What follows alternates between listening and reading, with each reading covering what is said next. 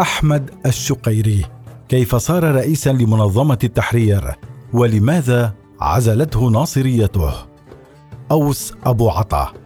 في الثاني من حزيران يونيو من العام 1964 أعلن القائد السياسي الفلسطيني أحمد الشقيري ولادة منظمة التحرير الفلسطينية إبان اختتام أعمال المؤتمر الوطني الفلسطيني الذي أقيم في القدس الشريف وهو المؤتمر الشهير الذي عقد بحماسة وتشجيع من الرئيس جمال عبد الناصر وبرعاية الملك حسين ومشاركة كل الدول العربية على مستوى وزراء الخارجية باستثناء السعودية.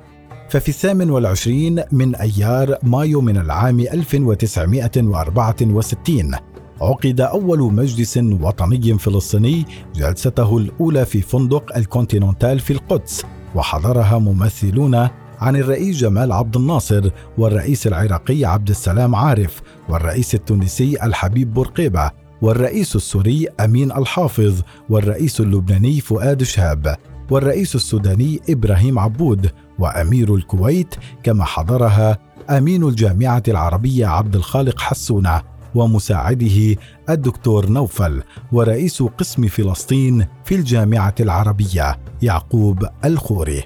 افتتح الجلسة ملك المملكة الأردنية الهاشمية بخطاب قومي تعهد فيه أن ينحي القادة العرب الخلافات جانبا كرما لفلسطين وأنه سيبذل دمه في سبيلها وقد أقر المؤتمر الميثاق الوطني الفلسطيني والنظام الأساسي لمنظمة التحرير الفلسطينية.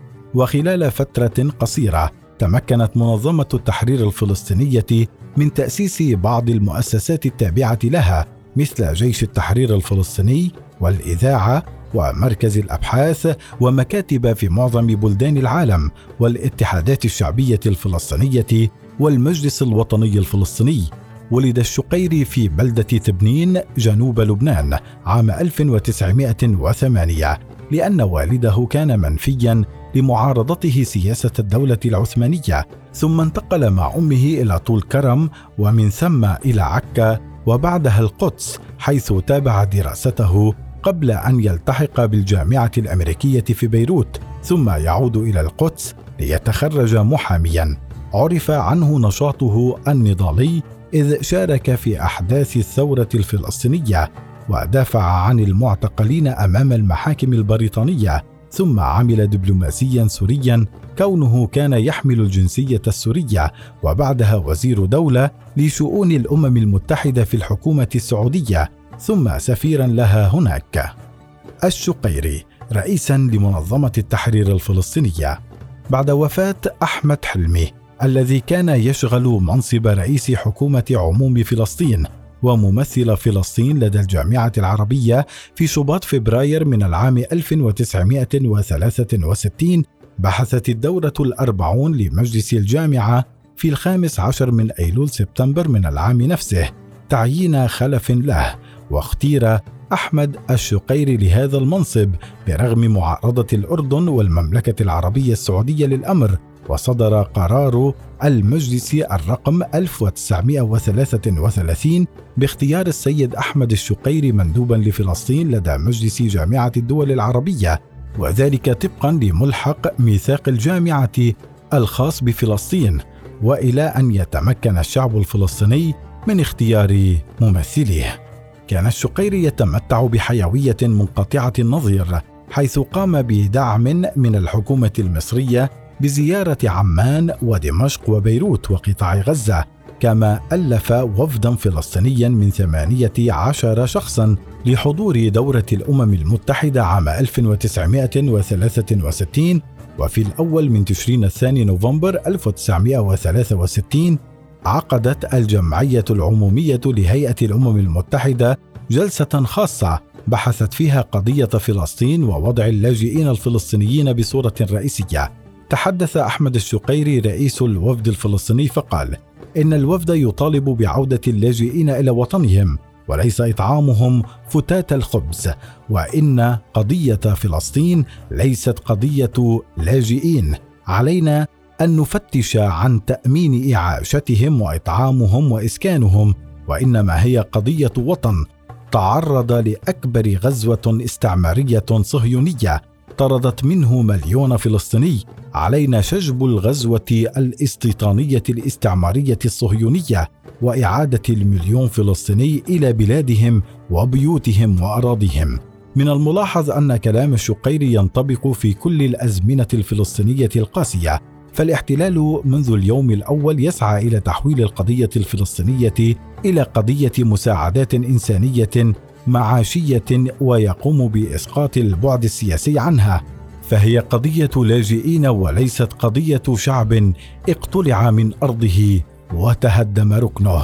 وفي العام الذي يليه قام الشقيري بجولة مكوكية بين الأقطار العربية ما بين التاسع عشر من شباط فبراير والخامس من نيسان أبريل 1964 شملت الأردن وسوريا والبحرين وقطر والعراق والكويت ولبنان والسودان حيث عقد ثلاثين مؤتمرا مع الشعب الفلسطيني التقى خلالها آلافا منه كما التقى كبار المسؤولين في الدول العربية. تبنى الشقيري للخطاب الناصري وتطابق سياسته وأفكاره مع عبد الناصر دفعت الكثير من الدول العربية التي لها خلاف مع عبد الناصر للتعامل معه بحذر شديد كالسعودية وسوريا والأردن واليمن وحتى الفصائل الفلسطينية المسلحة حديثة العهد وجيش التحرير الفلسطيني. فوق الصفر تحت التوريط هو شعار المرحلة الذي أطلقته الأصوات الناصرية وتبناه الشقيري بشكل كامل. الأمر الذي أدى إلى اشتعال الخلافات داخل منظمة التحرير الفلسطينية. هذه السياسة عارضها الكثير من قادة المنظمة واصطدموا مع الشقير بسببها. وخير آية على ذلك ما أورده شفيق الحوت في كتابه عشرون عاما في منظمة التحرير الفلسطينية حديث الذكريات حيث تحدث عن جهود جمال عبد الناصر لحل الخلاف بين قادة المنظمة ورئيسها. كون الشقيري يعبر عن وجهة نظره ويدافع عنها بشراسة ويسوق لها بين الأوساط الفلسطينية والعربية. يقول الحوت في شباط فبراير من العام 1967 التقيت مع الرئيس عبد الناصر ودار حديث مهم حضره الصديق محمد حسنين هيكل بعدما احتدم الخلاف داخل ميم تاء فاء بيننا وبين الشقيري ومما قاله لي عبد الناصر إن كل من يدعو إلى الحرب ضد إسرائيل من دون توفير الظروف الموضعية المطلوبة لتحقيق النصر إنما يريد هزيمة العرب ومما قاله بالحرف الواحد وهو يدعو إلى تجميد صراعنا مع الشقيري أنتوا واخدين على الشقيري إنه بيتكلم كتير. معلش خلوه يتكلم زي ما هو عاوز. نحن لازمنا شوية كلام بانتظار تهيئة ظروفنا. مع فتح وأخواتها. تشكيك وتخوف. بعد قيام حركة فتح بعمليتها الأولى وتفجيرها نفق عيلبون التي أعلنت عبرها انطلاق الثورة الفلسطينية المسلحة. نالت مباركة الشعب الفلسطيني وأسهمت تلك العملية في تزايد أعداد المنتسبين بشكل مهول إلى صفوف الحركة وقابلتها ميم تاء فاء بالكثير من التشكك والقليل من التخوين. الأمر الذي ظهر في مقالة للدكتور رفعت عودة مدير مكتب المنظمة في الجزائر وهو صاحب الشهرة الواسعة بين أوساط القوميين العرب وبالأخص الناصريين في جريدة الشعب الجزائرية في شباط فبراير من العام 1965 تلك المقالة تحدث عنها الصحفي الفلسطيني فيصل حوراني في الجزء الرابع دروب المنفى من مذكراته الجري إلى الهزيمة. فقد استحضر المقال الاتهام الذي تردد في الأوساط المصرية المعارضة للكفاح المسلح والذي زعم مروجوه بأن فتح على صلة بالمخابرات البريطانية. ومن الطبيعي أن تؤدي تلك المقالة التي قال فيصل حوراني لكاتبها إنها أسوأ ما كتب إلى استياء واسع النطاق. ليس في صفوف الفلسطينيين المقيمين في الجزائر فحسب بل في صفوف الشعب الجزائري أيضا. ويذكر حوراني في مذكرته كيف تمت دعوة الدكتور رفعت عودة إلى اجتماع تمت مهاجمته فيه لحثه على تقديم اعتذار عن مقالته التي تحوي الكثير من المغالطات وتوجه الاتهامات من دون أي دليل بين.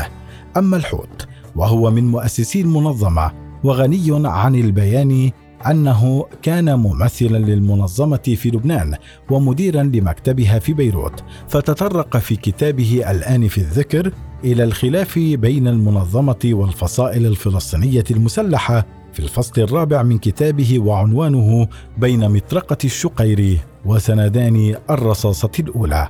تحدث الحوت عن خشيته من عزوف المنظمات الفلسطينية عن المساهمة في بناء ميم تاء فاء بسبب البيروقراطية وهذا الأمر كان لا يمانعه الشقيري بل كان يرتاح إليه. وقد عارض الشقيري بموقفه هذا عددا لا يستهان به من القادة الوطنيين كالدكتور حيدر عبد الشافي والدكتور صلاح الدباغ والشاعر معين بسيسو وراجي صهيون وخليل عويضة وإسماعيل شموط وزوجته تمام وأحمد صادق الدجاني وغيرهم كثر وسعوا جميعهم إلى وحدة الفصائل الفلسطينية وتقريب المسافة بينها وبين المنظمة لكنهم أخفقوا في مساعيهم والسبب كما يذكر الحوت يقع على عاتق هذه الفصائل من جانب وعلى عاتق الشقير من جانب آخر.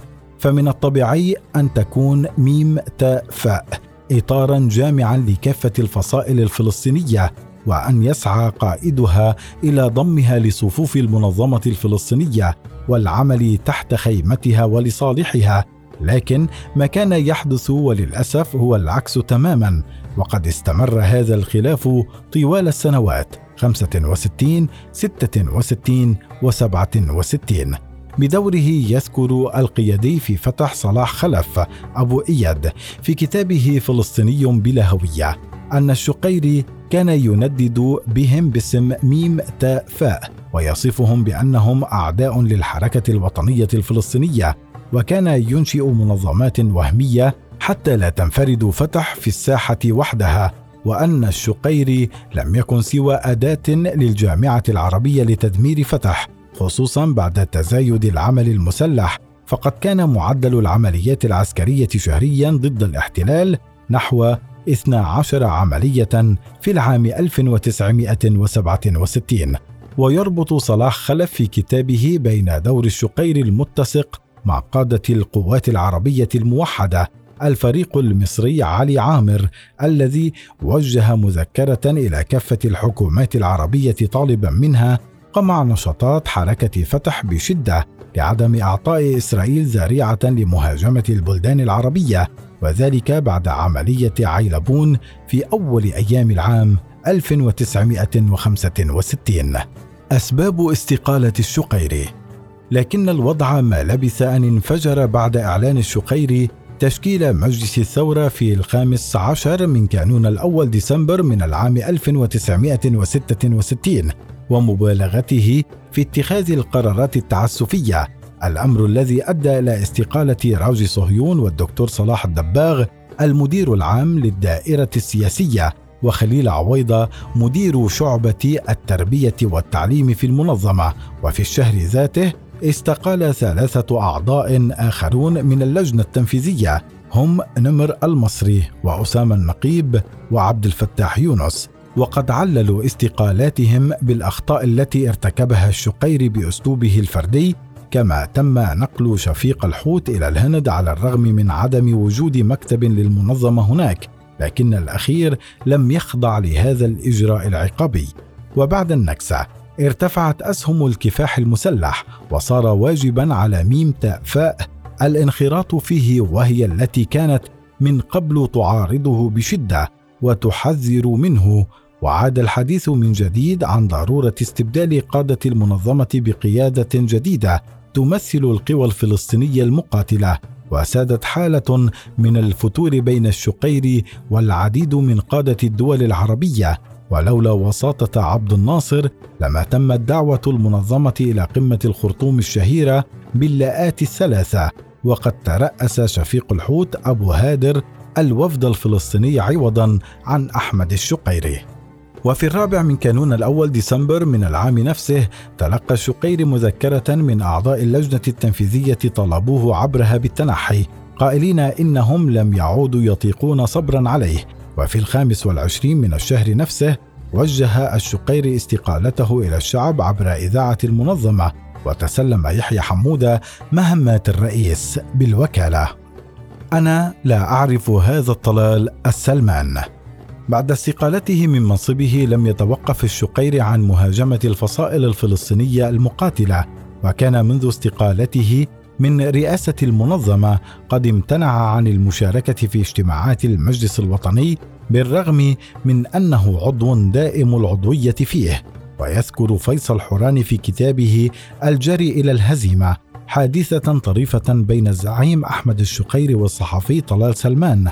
وقد ذهب فيصل حوراني مع مصطفى نبيل وطلال سلمان إلى منزل الزعيم الفلسطيني الكبير وأجرى طلال مقابلة صحفية معه لمجلة الصياد. وانصب حديث الزعيم الفلسطيني كله على انتقاد سياسة المقاومة الفلسطينية وقادتها.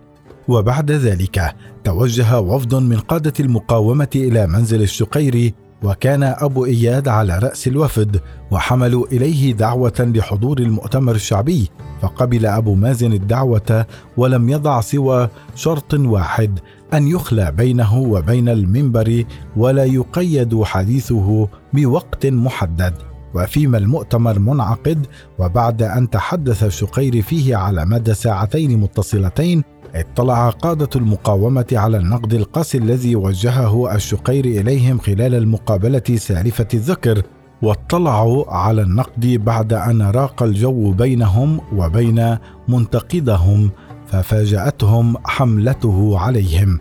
عاتب أبو إياد الرئيس السابق للمنظمة. تحرج الشقير في ذلك الجو فاجتهد للتنصل من مسؤولية الكلام الذي نشرته الصياد وأنكر معرفته بالأمر. أنا لا أعرف هذا الطلال السلمان ولكن جمال الصوراني تدخل وقال لرئيسه السابق وبحضور أبي إياد لكنها يا أبا مازن لغتك وألفاظك.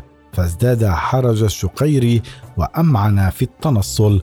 يزورني فيصل حوراني وهو صديق لطلال هذا ولعله وجاء أبو إياد معاتبا لفيصل حوراني لكن الأخير على حد قوله لم يفوتها أو يبيتها بل صحب معاتبه إلى الشقير واقتبس بلاغة الرجل البليغ. يتقولون عليك أنك تتهمني بنقل الكلام وقد أجاب الشقير حينها مبرئا حوراني معاذ الله أنت خير الناس. ثم حسم الأمر عندما اكتشف حوراني أن مصطفى نبيل التقط صورة للقاء مع الشقيري في منزله وفيها الشقيري وهو يتحدث وطلال قبالته يكتب الحديث. ونشر طلال سلمان الصورة في الصياد وتحتها هذا التعليق الشقيري أنا لا أعرف هذا الطلال السلمان. وفي الختام قاد تبني الشقيري للخطاب الناصري ومعارضته الكفاح المسلح وعدم قدرته على مجاراة الأحداث المتسارعة ومتغيراتها بالإضافة إلى تفرده في اتخاذ القرارات وسياسته العقابية بحق معارضيه حتى من قادة المنظمة إلى عزلته وانفضاض من حوله عنه. برغم ذلك كان الشقيري ولا يزال اسما وطنيا كبيرا ولا تنسى مرافعته ودفاعه عن الفدائيين الذين قاموا باغتيال رئيس الوزراء الأردني وصف التل في القاهرة في الثامن والعشرين من تشرين الثاني نوفمبر من العام 1971 وقد قدم حينها مرافعة سياسية طويلة ضد النظام الأردني ووضع اليد على ذريعة قانونية تجيز الإفراج عن مختلي التل بكفالة وقد توجت جهوده بالإفراج عنهم.